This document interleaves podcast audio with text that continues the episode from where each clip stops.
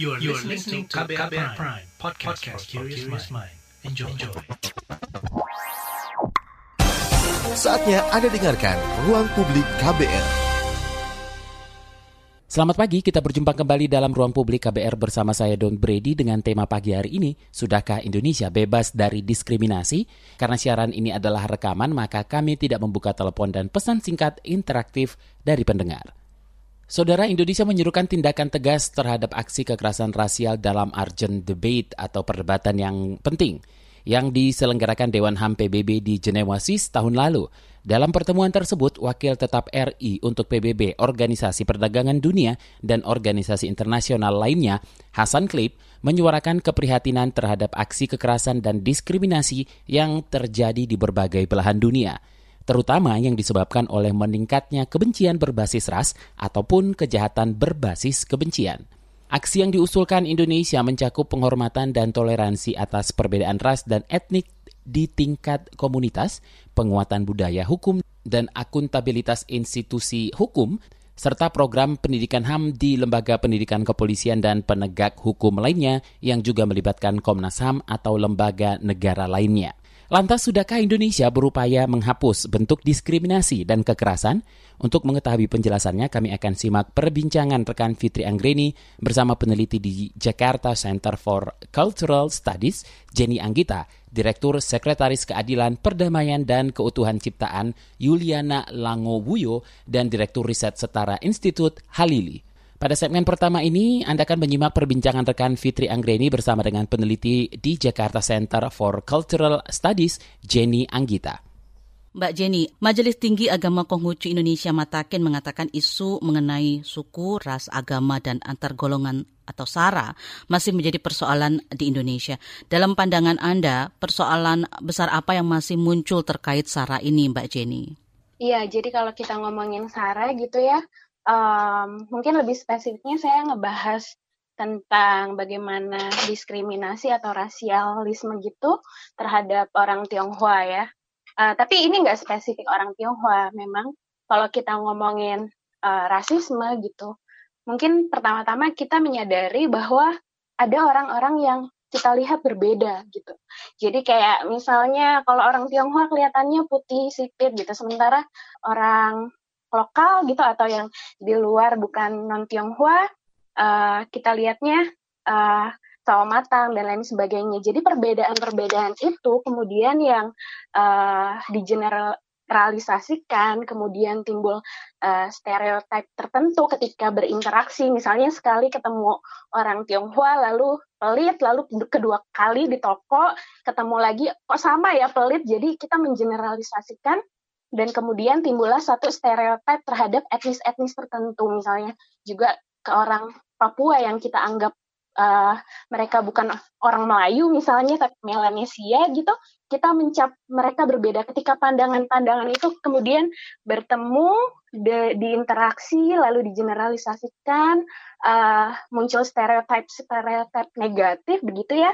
Saya pikir kemudian ketika itu menimbulkan satu bentuk diskriminasi dan uh, stigmatisasi dan berlanjut sampai dengan sekarang ini jadi terus ada gitu. Saya pikir pemahamannya mulai dari dari situ ya ketika ada orang yang berbeda tapi kita tidak uh, menjudge dengan mudah gitu. Tapi kalau kita ngomong khususnya orang Tionghoa, sebenarnya ini kayak warisan kolonial. Kita harus lihat bagaimana posisi orang Tionghoa ketika di masa kolonial mereka jadi satu identitas perantara dan uh, bagaimana Belanda dengan uh, politik pecah belah divide et impera itu membuat etnis-etnis tidak bersatu terintegrasi gitu ya. Kayak orang Tionghoa dijadikan posisinya sebagai uh, pemungut pajak menjual dan menanam candu um, dan posisi-posisi yang berhubungan dengan keuangan begitu dan dibenci tentunya sama orang-orang lokal pada masa masa itu gitu. Dan warisan-warisan kebencian dan rasial uh, terutama kayak waktu di zaman Belanda itu dibagi-bagi. Ada kampung Cina ada kampung Arab sehingga terkotak-kotakan gitu ya. Dan itu kemudian warisan-warisan ingatan itu uh, rasialisme itu terus dipupuk gitu setiap pergantian rezim tuh selalu ada momen kekerasan terjadi dan korbannya banyak juga orang Tionghoa dan trauma-trauma seperti itu gitu. Walaupun kita tidak mengalami, misalnya saya nggak ngalamin peristiwa 65, tapi banyak korban orang Tionghoa. Saya ngalaminnya peristiwa Mei 98 dan itu membekas. Dan begitu juga di masyarakat yang lokal. Warisan kebencian dulu atau ketimpangan ekonomi misalnya ketidakstabilan politik ekonomi yang kemudian dijadikan satu apa ya politik identitas gitu ya isu-isu yang dimainkan ketika saat itu uh, dan bahkan sampai sekarang begitu. Kayak sekarang ini udah lebih lebih apa ya lebih berat gitu ya sebenarnya kalau saya lihat persoalannya. Tadi Mbak Jenny mengatakan kalau kondisinya sekarang makin berat. Itu kondisi apa yang makin berat dan mengapa itu bisa terjadi? Sebenarnya sekarang kenapa berat? Kita uh, menyadari bahwa sekarang itu era post-truth atau pasca kebenaran ya. Sosial media yang uh, marak begitu, lalu hoax melalui meme, melalui macam-macam. Uh, ketika anak-anak sekarang atau orang-orang tua tidak bisa menyaring mana informasi yang memang sahih gitu sesuai fakta gitu ya tidak bisa membedakan itu. Lalu terpengaruh dengan uh, hanya satu versi saja gitu. Hanya satu versi cerita berita atau yang diungkapkan oleh satu kelompok tertentu itu semakin memperparah diskriminasi atau rasisme itu gitu. Karena kalau kita amati sekarang sebenarnya ketika ngomongin rasisme atau tren semacam tren penodaan agama gitu ya. Banyak anak-anak bahkan yang di bawah 17 tahun gitu, 14 tahun, 15 tahun, 16 tahun gitu ya. Karena undang-undang ITE misalnya ketika mereka main medsos gitu ada satu apa kata-kata atau yang dianggap penghinaan lalu kena viral gitu ya, viral mereka bisa bisa aja di, di apa dikriminalisasi mungkin gitu ya bahasanya. Jadi sekarang itu mudah orang kena kriminalisasi karena dia dianggap melakukan penodaan agama gitu ya, penistaan agama gitu ya. Saya kira itu kayak tren pasca Ahok, kasus-kasus Ahok itu sih. Dan dan terutama karena undang-undang yang memang belum direvisi atau kembali ditinjau ulang kayak undang-undang ITE atau KUHP dan undang-undang Ormas kemudian yang orang kayak mudah bilang kalau itu mengganggu ketertiban umum, misalnya itu uh, menodai agama tertentu, padahal mungkin dia nggak punya niat karena masih anak-anak nggak punya niat dan nggak tahu kalau yang dia lakukan bermasalah gitu ya. Apakah mungkin menghilangkan katakanlah masa lalu itu dan memulai baru sehingga sikap-sikap uh, intoleran, sikap-sikap uh, diskriminatif, stigma terhadap etnis tertentu itu bisa dihilangkan? Iya, saya pikir itu sangat mungkin gitu. Tapi sekarang kalau dilihat memang sifatnya tuh sangat akar rumput ya. Ada satu teori gitu yang yang pernah saya baca, Furnival itu bilang kalau orang-orang tuh yang berbeda etnis, beda agama gitu ya, ketemunya tuh cuma bisa di pasar. Jadi di pasar itu tempat lintas orang, manusia dan segala macam karena ada transaksi di situ kan ketemu uh, dan itu terjadi sampai sekarang gitu. Nah, sekarang ini saya pikir agak lebih menguntungkan sebenarnya karena sosial media yang kita punya dan banyak juga anak-anak muda apa uh, dan orang-orang yang melek ham lah ibaratnya gitu untuk membawa percakapan-percakapan terkait rasisme, terkait toleransi itu lebih luas lagi. Misalnya melalui podcast gitu, ada uh, teman-teman dari HRWG bikin hamburger, lalu apa mudah-mudahan mungkin ada lagi yang lain. Juga ada kayak Rumah Bineka Surabaya yang bekerja sama nggak cuma dari kelompok orang Tionghoa aja, tapi juga ada jaringan Gus Durian untuk bikin setiap hari Senin itu uh, pokoknya ngomongin tentang Tionghoa mulai dari sejarah atau yang kekinian tentang perempuan, tentang tokoh-tokoh yang berperan pada waktu kemerdekaan orang Tionghoanya gitu dan saya pikir hmm, itu penting gitu buat terus dilakukan untuk menepis atau menghilangkan stereotip itu. Itu kan sifatnya saya pikir lebih ke akar rumput gitu, belum yang top down lah ibaratnya kayak gitu. Tapi mungkin justru cara-cara yang itu malah lebih efektif. Mungkin yang susah itu saya pikir justru di dalam keluarga sendiri di dalam keluarga masing-masing orang gitu ya. Baik itu dalam keluarga orang Tionghoanya sendiri atau dalam keluarga yang bukan Tionghoa misalnya. Atau etnis yang lain uh, dengan mental minoritas yang dimiliki gitu ya untuk uh, berani menyatakan pikiran, pendapat gitu nggak takut gitu. Sementara yang bukan minoritas atau yang mayoritas itu berusaha untuk terbuka, berinteraksi, berkenalan lebih banyak lagi dan nggak menanamkan pandangan atau sikap intoleransi di dalam keluarga itu sulit sih. Maksudnya karena harusnya dimulai kayak dari dini gitu, dimulai edukasi itu harusnya udah dimulai mulai dari sistem keluarga yang terkecil, habis itu di sekolah gitu ya. Jadi lebih heterogen lah ibaratnya dan toleransi itu lebih gampang untuk ditanamkan dibanding ketika di rumah misalnya udah muncul dari orang tua uh, stereotip terhadap suku etnis tertentu lalu tertanam padahal anak-anak juga belum punya kenalan atau teman uh, orang-orang uh, yang berbeda dari mereka tapi dia udah ke internalisasi duluan. Kalau begitu sebenarnya apa peran yang bisa dimainkan masyarakat khususnya mungkin anak muda dan juga pemerintah dalam hal ini untuk bisa memutus rantai uh, rasa kebencian terhadap uh, etnis uh, ras yang berbeda ini, Mbak? Dari masyarakat kupikir harusnya sih sekarang sudah banyak juga yang teredukasi ya, terutama di era sekarang post truth atau pasca kebenaran ini tapi juga banyak juga yang maksudnya apa ya bodoh dalam tanda petik ya. Maksudnya hanya pakai kacamata kuda dan melihat satu versi berita peristiwa sejarah gitu. Saya senang sih dengan banyak inisiatif-inisiatif anak muda yang kalau kalau dari Tionghoa ada mulai anak-anak muda Tionghoa bikin bikin akun suara peranakan. Di situ dia ngomongin ham juga. Dia mengkritisi banyak banyak hal yang isu-isu terkini gitu. Ya lewat podcast. Jadi melalui bahasa yang mudah dimengerti melalui cara-cara yang sangat kekinian melalui sosial media Instagram podcast gitu. Itu salah satu cara yang penting. Nah, kalau dari segi pemerintah, aku pikir kalau memang serius untuk menanamkan toleransi, harusnya ada pembelajaran yang sejak dini di sekolah gitu ya. Dan guru-guru terutama yang menjadi pionir-pionir itu harus memang guru-guru yang punya toleransi dan tidak rasis gitu. Ibaratnya kayak gitu. Dan saya pikir baik itu masyarakat sipil, aktivis, ataupun NGO-NGO perlu terus apa ya lantang menyuarakan persoalan-persoalan ini ke pemerintah gitu. Walaupun kayak seperti stuck aja nggak ada nggak ada perubahan. Tapi ya selama itu pula mungkin harus terus kita omongin harus terus apa ya harus terus ada yang ngomongin dan ada yang perjuangin. Ruang publik KBR edisi pagi ini adalah rekaman, jadi kami tidak bisa menerima pertanyaan dari pendengar.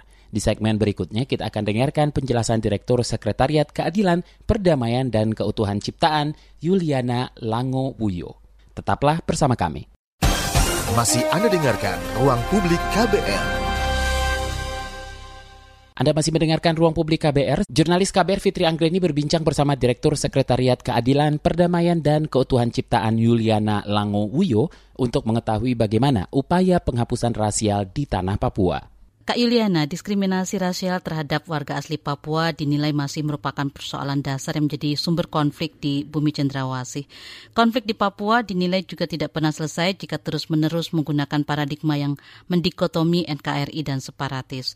Dari pengamatan Kak Yuliana, mengapa polarisasi ini masih terus terjadi, Kak? Kalau dari pengamatan saya, pertama saya harus jelaskan bahwa saya bekerja di lembaga gereja ya. Eh, SKPKC Fransiskan itu adalah salah satu apa lembaga sosial pastoral di bawah naungan gereja Katolik. Kalau dari pengamatan kami, eh, kantor kami itu secara rutin menerbitkan uh, fokus uh, kerja kami itu salah satu halnya itu dokumentasi dan publikasi. Dan hal-hal yang kita dokumentasikan itu adalah situasi sosial pastoral atau situasi sosial kemasyarakatan di tanah Papua. Jadi situasi hak asasi manusia itu adalah uh, hal yang kita dokumentasikan dan itu mulai dari hak-hak dasar, kesehatan, pendidikan, ekonomi dan nanti ke hak-hak uh, sipol dan ekonomi yang jauh lebih panas dalam dokumentasi kami setiap tahun itu misalnya dalam dokumentasi kami di tahun 2006 uh, eh, yang kami kasih judul membangun budaya damai dan rekonsiliasi di tanah Papua itu sudah dicatatkan bahwa pendekatan pemerintah Indonesia dalam kebijakannya yang nyata-nyata seperti misalnya kebijakan di awal-awal ya, saya belum bicara dalam konteks sekarang. Kebijakan awal-awal mulai dari uh, kebijakan transmigrasi dan lain-lain, itu kan kebijakan dengan memakai perspektif Jakarta. Kebijakan di mana meletakkan orang Papua sebagai orang yang belum berdaya, yang pengetahuan lokalnya tidak cocok sehingga harus mendatangkan uh, orang dari luar untuk men mentransfer ilmu pengetahuan dari luar kepada orang Papua yang saat itu posisinya ditaruh di bagian bawah sebagai yang bodoh, terbelakang dan perlu diajar. Jadi dalam kebijakan itu uh, itu sangat jelas, sangat nyata. Salah satunya adalah program transmigrasi dan ini terlihat jelas bagaimana uh, perbedaan itu terjadi dalam pendekatan kebijakan yang dilakukan oleh pemerintah Indonesia. Sehingga saudara saudara-saudara saya tidak bilang bahwa program transmigrasi tidak ada gunanya atau apa uh, buruk atau seperti saya tidak langsung menyebutkan seperti itu, tetapi ini juga sangat kentara dengan saudara-saudara kita yang dikirim dari luar itu dengan dengan di pikiran mereka seperti itu. Kita harus datang untuk uh, mengajar orang Papua, mendidik orang Papua yang masih terbelakang seperti itu. Terus uh, hal berikut yang nampak juga adalah uh, saudara-saudara dari luar datang dengan uh, kearifan lokal dari luar mereka bawa ke sini. Jadi bukan mereka datang terus mempelajari sesuatu dari nilai kearifan lokal yang ada di Papua. Seperti yang dari luar datang langsung tanam harus tanam padi, harus bikin sawah. Sedangkan orang Papua itu tidak makan nasi. Saat itu masih ada sagu dan masih ada kearifan lokal yang lainnya. Ada orang Papua ada dalam posisi harus menyesuaikan diri karena yang datang dari luar itu yang dianggap jauh lebih bagus dan orang Papua harus menyesuaikan diri uh, seperti itu. Uh, hal berikut adalah misalnya dari kebijakan beras miskin yang diterapkan untuk seluruh wilayah Indonesia. Terus orang Papua yang sebenarnya bahan pokok makanannya bukan beras, misalnya harus makan beras. Karena itu program yang disapuratakan uh, berlaku di seluruh Indonesia. Itu ada beberapa kebijakan. Kalau kita bicara jauh atau lebih jauh dari itu, uh, PPRA itu juga atas dasar sikap itu bahwa orang Papua itu belum mampu menentukan atau belum mampu bersuara atau secara geografis masih sangat susah. Sehingga kita hanya perlu pilih 1026 orang wakil, orang-orang yang bisa mewakili untuk bicara dan menentukan masa depan Papua. Itu kalau kita bicara uh, lebih jauh dari tahun-tahun sekarang. Karena itu dan karena pengalaman kita dalam hidup menggereja melayani di akar-akar rumput, kita melihat perbedaan-perbedaan pandangan itu. Bagaimana kebijakan pemerintah maupun orang dari luar datang melihat orang Papua dan mulai uh, memaksakan orang Papua untuk yang dari luar ini yang paling bagus. Yang kamu punya itu sudah uh, kuno dan terbelakang. Dan orang Papua ada dalam posisi harus meninggalkan apa yang dia punya, tetapi belum mampu menyesuaikan dengan uh, yang datang dari luar dia harus kasih tinggal sagunya, hutannya, sagunya, dia harus makan nasi, tetapi dia belum punya kemampuan untuk menanam atau membuat sawah, memproduksi padi. Seperti itu. Dia lepaskan yang aslinya sagu, dia menerima yang baru dari luar nasi, padahal dia punya dia belum punya kemampuan untuk mengelola sawah yang seperti itu.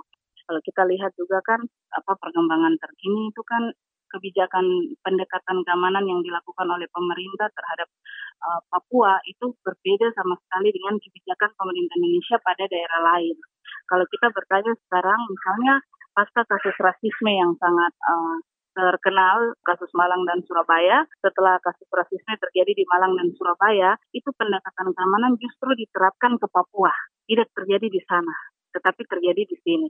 Begitu orang di Papua, yang sebenarnya saat itu bukan cuma orang Papua yang protes, tapi orang pendatang yang ada di Papua pun melakukan aksi protes, menolak rasisme itu. Jadi aksi anti rasisme itu justru dibalas pemerintah Indonesia dengan pendekatan keamanan, dengan mengirimkan pasukan lebih banyak lagi ke tanah Papua.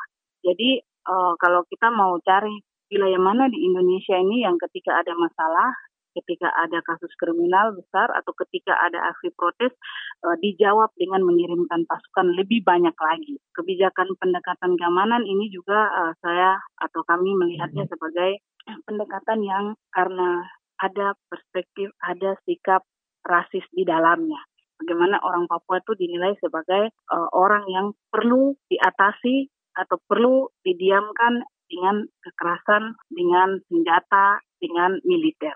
Kalau untuk setahun ini Kak Yuliana, eh, bagaimana catatan lembaga uh, terhadap kondisi uh, dan juga kehidupan masyarakat baik uh, secara menggereja dan juga secara umum dan kaitannya dengan uh, diskriminasi dan juga uh, stigma yang dilekatkan kepada masyarakat di sana, Mbak? Betul, uh, Fitra. Jadi menurut saya itu situasi di Papua itu menjadi jauh lebih buruk ya. Kalau kita melihat kasus-kasus kekerasan itu terus terjadi sepanjang tahun. Kalau saya mau lihat dari 2018, 2019 sampai 2020 saja, 2018 itu ada pembunuhan terhadap karyawan PT Istaka ya yang mulai mengangkat duga itu orang keluar dari duga yang mengungsi masih sampai saat ini. Ada pembunuhan yang dibalas dengan dropping pasukan militer, uh, terus berlanjut dengan aksi tembak menembak antara uh, militer Indonesia dan TPNPB, terus lanjut ke 2019 ada aksi uh, rasisme di Malang dan Surabaya yang dijawab dengan demonstrasi anti rasisme di Papua dan di tempat lain yang kemudian dijawab lagi oleh pemerintah Indonesia dengan kebijakan yang sebenarnya diskriminatif sekali pemutusan internet, dropping pasukan militer ke Papua sebanyak-banyaknya. Kemudian berlanjut lagi sampai ke 2020 ini kalau saya bilang atau dalam catatan gereja dan banyak lembaga lain yang terjadi di Papua itu sebenarnya jauh lebih buruk. Kenapa? Karena misalnya karena kami lembaga gereja, uh, kami merasa uh, situasi semakin buruk karena stigma separatis itu sekarang bisa dilekatkan kepada siapa saja, termasuk petugas gereja. Seperti saya misalnya, atau seperti dua tenaga gereja yang ditembak mati di uh, Intan Jaya beberapa uh, waktu lalu. Pendeta Yeremia Sanamani adalah seorang petugas gereja, kemudian Rufinus Tigau yang ditembak mati 26 Oktober adalah petugas gereja, Agustinus Dwitau yang ditembak 7 Oktober itu adalah seorang petugas gereja. Pendeta Yeremia Zanamani 19 September itu adalah seorang petugas gereja. Dan kalau uh, teman-teman di sana mengikuti pasca penembakan Pendeta Yeremia Zanamani, kemudian penembakan terhadap petugas gereja Katolik Agustinus Tibitau, bersyukur karena dia masih hidup, kemudian penembakan berikut kepada uh, Rufinus Tegau, itu Rufinus meninggal dunia. Uh, nah, itu kan setelah penembakan media langsung memberikan pengumuman bahwa mereka adalah kelompok kriminal bersenjata. Nah, itu membuat kami petugas gereja dan banyak lembaga lain melihat bahwa sekarang ini stigma separatis itu bisa ditempelkan pada siapa saja, termasuk pada petugas gereja. Padahal petugas gereja ini dia adalah orang yang dipercaya di tengah masyarakat. Petugas gereja atau petugas agama biasa dalam komunitas agama itu orang di tingkat akar rumput jauh lebih percaya kepada petugas gereja. Jadi petugas gereja ini kan kalau militer Indonesia datang di kampung, kalau ada tentara, tentara datang ke rumah Bapak Pendeta, pasti kan Bapak Pendeta terima kan? Karena dia seorang petugas gereja atau seorang petugas pastoral. Kemudian kalau ada orang yang di dalam tanda kutip dikategorikan sebagai kelompok kriminal bersenjata oleh pemerintah Indonesia pun datang ke rumah gereja sebagai seorang pendeta ya dia harus terima juga kan? Tidak mungkin dia tolak karena posisi dia sebagai seorang petugas gereja. Semua orang itu harus dia layani. Nah, karena posisi dia yang seperti itu, maka dia itu sangat rentan posisinya dan setelah penembakan yang terjadi pada pendeta Yeremia uh, Sanambani yang mengakibatkan kematian juga penembakan terhadap Rufinus Tigau, uh, kami mulai berpikir kita sudah ada dalam situasi yang sangat bahaya. Bagaimana lagi kita mau bicara tentang kemanusiaan secara kritis, kita mau bicara tentang kemanusiaan kalau uh, seorang petugas gereja yang sebenarnya menjadi tokoh yang sangat uh, dihormati dan tempat perlindungan untuk orang kecil itu saja sekarang sudah bisa ditembak mati begitu saja. Apa uh, pesan Anda agar uh, perlakuan-perlakuan juga kasus-kasus uh, diskriminasi dan juga rasisme terhadap uh, orang Papua itu bisa uh, segera dihentikan? Kalau dari saya itu saya pikir uh, apa yang dialami oleh orang Papua saat ini penembakan, pembunuhan, itu yang mungkin membedakan situasi Papua dengan wilayah Indonesia yang lainnya.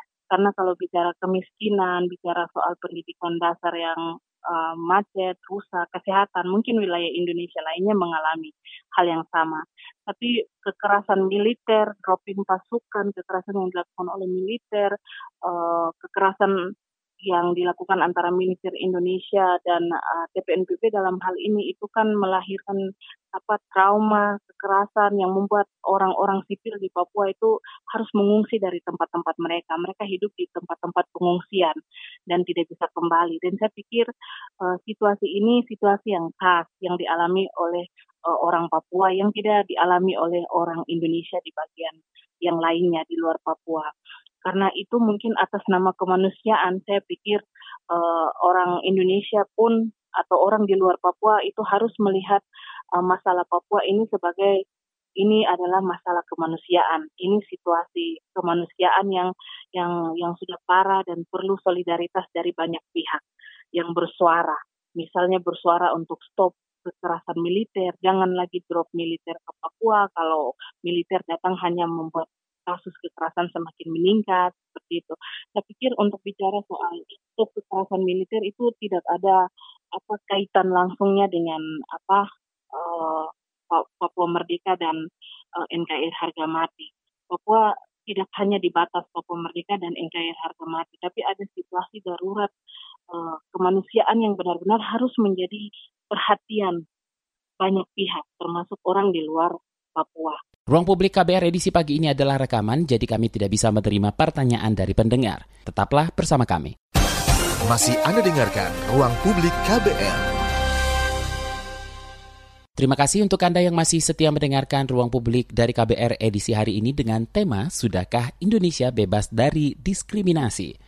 Pada perbincangan pagi ini kami juga bersama dengan Direktur Riset Setara Institut Halili. Awal tahun 2020 setara merinci bahwa sepanjang periode pertama pemerintahan Presiden Jokowi pada rentang 1 November 2014 sampai 31 Oktober 2019 telah terjadi 800-an peristiwa pelanggaran kebebasan dan berkeyakinan dengan seribuan lebih tindakan.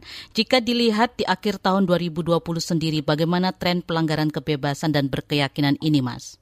Um, kalau melihat data ya, di 2019 sampai akhir aja itu sudah uh, kelihatan terjadi peningkatan. Nah, data terbaru sampai 2020 uh, eh, yang sudah kami validasi baru sampai bulan Oktober ya.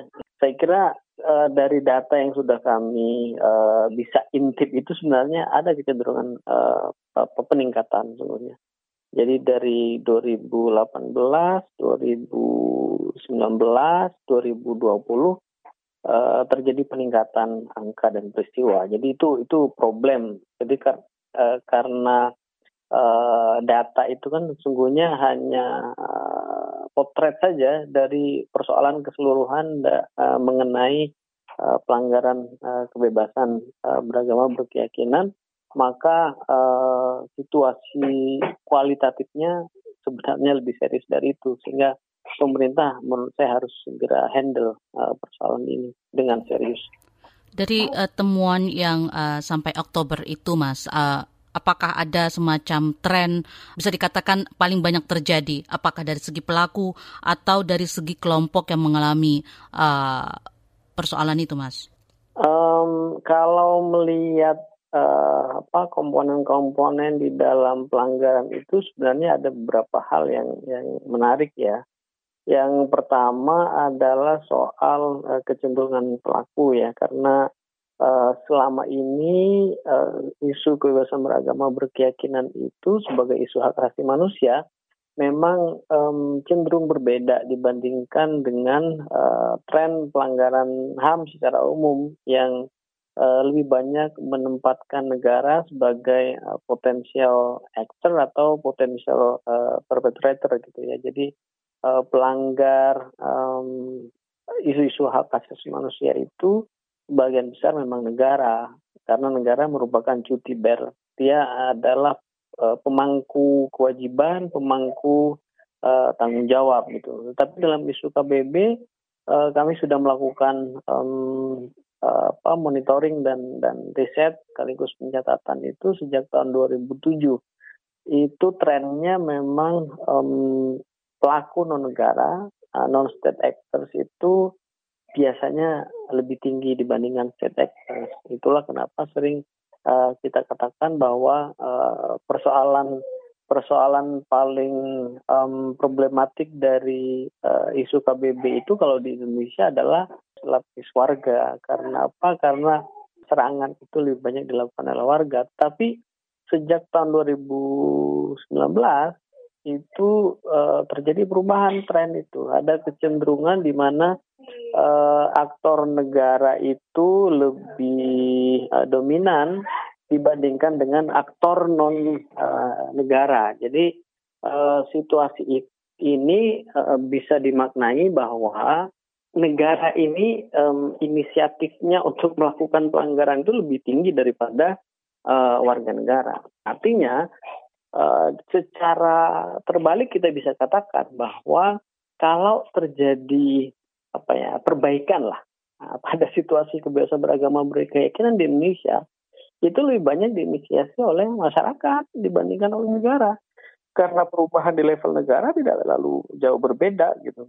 Tidak banyak lah perubahan yang bisa kita lihat. Situasinya itu nggak jauh berbeda pada level negara. Pada level warga saya kira uh, terjadi uh, perubahan cukup signifikan. Tapi kalau negara uh, tidak terlalu banyak. Untuk tahun 2020 itu tren pelaku yang juga uh, dilakukan oleh negara juga tetap meningkat seperti 2019, Mas. 2020 juga sama. Jadi uh, yang tadi saya maksud perubahan tren itu sejak 2019 dan itu berlanjut sampai 2020.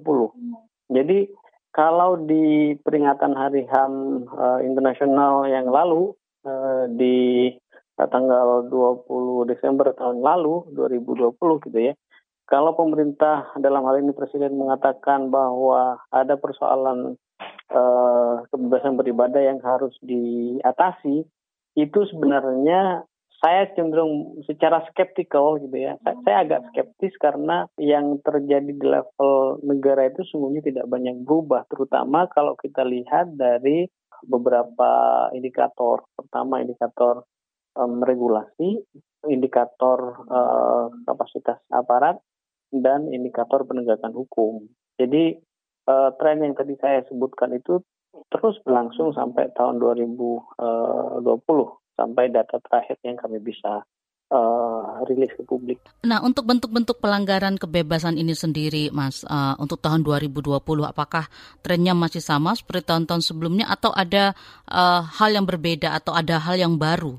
Sebenarnya secara umum uh, persoalan uh, pelanggaran itu uh, karena sudah densitasnya gitu ke, namanya kepadatan datanya itu uh, kalau kita uh, melihat data longitudinal kita uh, data uh, panjang kita dari uh, 2007 itu itu kan sebenarnya uh, tidak terlalu uh, banyak ya um, uh, perubahan pada jenis tindakan jadi seluruh tindakan kira-kira sudah uh, tuntas lah dilakukan oleh kelompok-kelompok intoleran termasuk pelanggar-pelanggar uh, dalam kategori negara. Tetapi yang menarik ini dua hal uh, terkait dengan um, ya, tindakan ini. Yang yang pertama adalah uh, peningkatan jumlah kasus pelaporan penodaan agama. Itu tren baru itu. Ya, karena apa? karena saya kira yang yang yang mempengaruhi situasi itu antara lain eh, sangat dinamisnya eh, perubahan sosial politik di sekitar kita gitu. Itu itu menurut saya satu yang yang memicu. Yang lain tentu saja eh, media sosial ya. Perkembangan media sosial begitu aktifnya netizen kita pada dua kelompok ini eh, akhirnya kemudian eh, menjadi semacam environment sekaligus determinan pemicu ya bagi terjadinya uh, beberapa pelaporan uh, penodaan agama. Itu satu. Yang kedua, secara umum kita melihat memang ada kecenderungan um, peningkatan uh, kapasitas koersif warga ya dalam lima tahun terakhir lah dan data 2019 dan 2020 itu sebenarnya menegaskan saja kecenderungan uh, setengah dekade terakhir bahwa kapasitas koersif warga itu memang meningkat. Untuk tahun 2021, apakah dua hal ini diperkirakan masih terus akan terjadi dan bahkan meningkat, Mas? Dan apakah ada kaitan pandemi dengan uh, tren pelanggaran kebebasan dan berkeyakinan di Indonesia, Mas? Um, iya, saya memprediksi kalau tidak ada uh, kebijakan atau tindakan yang sifatnya breakthrough gitu ya, terobosan dari pemerintah gitu, agak sulit memang berharap terjadi perubahan signifikan. Jadi tren yang tadi saya sebutkan itu, itu dugaan saya akan terus uh, berlanjut. Karena apa? Karena uh, ada dua hal yang menurut saya memberikan ruang untuk uh, situasi demikian. Yang pertama adalah lemahnya penegakan hukum. Jadi penegakan hukum ini sebenarnya kan dua dia ininya apa namanya dimensinya. Yang pertama adalah dimensi efek jerah. Jadi kalau kita melakukan penegakan hukum pada uh, kasus-kasus pelanggaran terutama yang berdimensi pidana misalnya, uh, kemudian penghukuman itu diberikan kepada pelaku, itu kan jelas akan memberikan efek jerah. Sebaliknya ketiadaan penegakan hukum itu pasti akan mengundang terjadinya kejahatan-kejahatan yang lain yang serupa atau bahkan yang lebih besar. Doktrinnya itu impunitas semper ad deterora invitat. E, ketiadaan penegakan hukum itu akan mengundang kejahatan e, yang lain di masa-masa yang akan datang. Kemudian yang yang dimensi yang kedua dari penegakan hukum adalah rehabilitasi hak korban. Jadi uh, korban ini kan sebenarnya punya seperangkat hak yang diatur oleh uh, instrumen internasional maupun instrumen nasional mengenai hak asasi manusia. Nah, ketika penegakan hukum terjadi dan penegakan hukum bersifat adil, maka otomatis korban akan terhabilitasi haknya.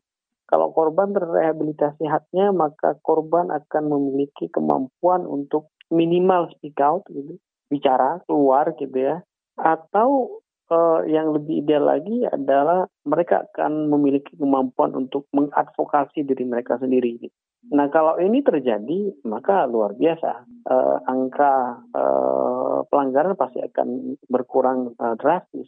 Tapi persoalannya um, penegakan hukum itu kan agak sulit gitu ya kita harapkan karena buktinya sampai periode Pak Jokowi uh, kedua di tahun kedua itu juga uh, tidak ada um, kabar baik saya kira dari sisi penegakan hukum. Kalau penegakan hukum terjadi, yang banyak kita saksikan justru apa yang sering saya sebut sebagai reviktimisasi. Gitu ya. Korban malah dikorbankan. Kami ingatkan kembali kalau ruang publik KBR edisi hari ini adalah rekaman, jadi kami tidak bisa menerima pertanyaan dari pendengar. Tetaplah bersama kami. Commercial break. Commercial break. Commercial break. Ita Biliana, psikolog dari Lembaga Psikologi Terapan UI, memberi pesan kepada teman-teman Broken Home untuk meraih masa depan yang terbaik. Terlepas bagaimana kondisi rumahmu, bukan kondisi orang tuamu, itu ya kamu adalah individu sendiri yang punya hak dan punya kemampuan untuk menentukan nanti ke depannya mau gimana gitu. Jadi apa yang terjadi di belakang kamu tuh it doesn't define who you are atau yes. who will you be gitu aja, who you will be. Simak obrolan selengkapnya dalam podcast Disco Diskusi Psikologi dalam episode Masa Depan Anak Broken Home di kbrprime.id dan platform mendengar podcast lainnya. Masih Anda dengarkan Ruang Publik KBR. Kita tiba di bagian akhir ruang publik KBR edisi hari ini. Pada pagi hari ini kami masih menghadirkan perbincangan jurnalis Fitri Anggreni bersama Direktur Riset Setara Institut Halili mengenai penghapusan diskriminasi di Indonesia. Kalau di luar uh, soal uh, pelanggaran kebebasan dan berkeyakinan, Mas, terkait misalnya kasus diskriminasi rasial di Indonesia, seperti apa uh, secara uh, umum tanggapan setara terhadap uh, kondisi di tahun 2020? Ya, secara umum saya ingin mengatakan bahwa uh, masalah kita ini kan sebenarnya secara umum bisa dipetakan ke dalam dua lapis utama. Yang pertama di lapis negara. Tadi saya sudah uh, sitir sebenarnya. Kita memiliki uh, persoalan regulasi, kita memiliki persoalan kapasitas aparat. Saya ingin detailkan soal ini. Uh, kita kan seharusnya sebagai negara bineka, sebagai negara yang beraneka ragam gitu. Dan dan itu menjadi jargon nasional kita bineka tunggal ika. Harusnya aparatur negara kita itu juga nah, bersifat netral di hadapan seluruh uh, warga negara termasuk mereka yang berjumlah sedikit itu gitu.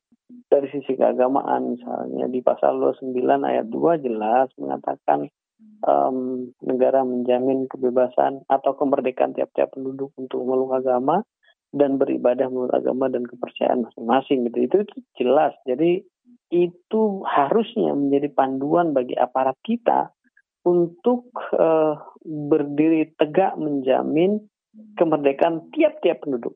Jadi bahasanya itu perorangan loh, bukan kelompok itu. Jadi jaminan itu untuk tiap-tiap penduduk. Jangankan 150 orang gitu, jangankan 50, satu orang saja itu harus dijamin oleh negara.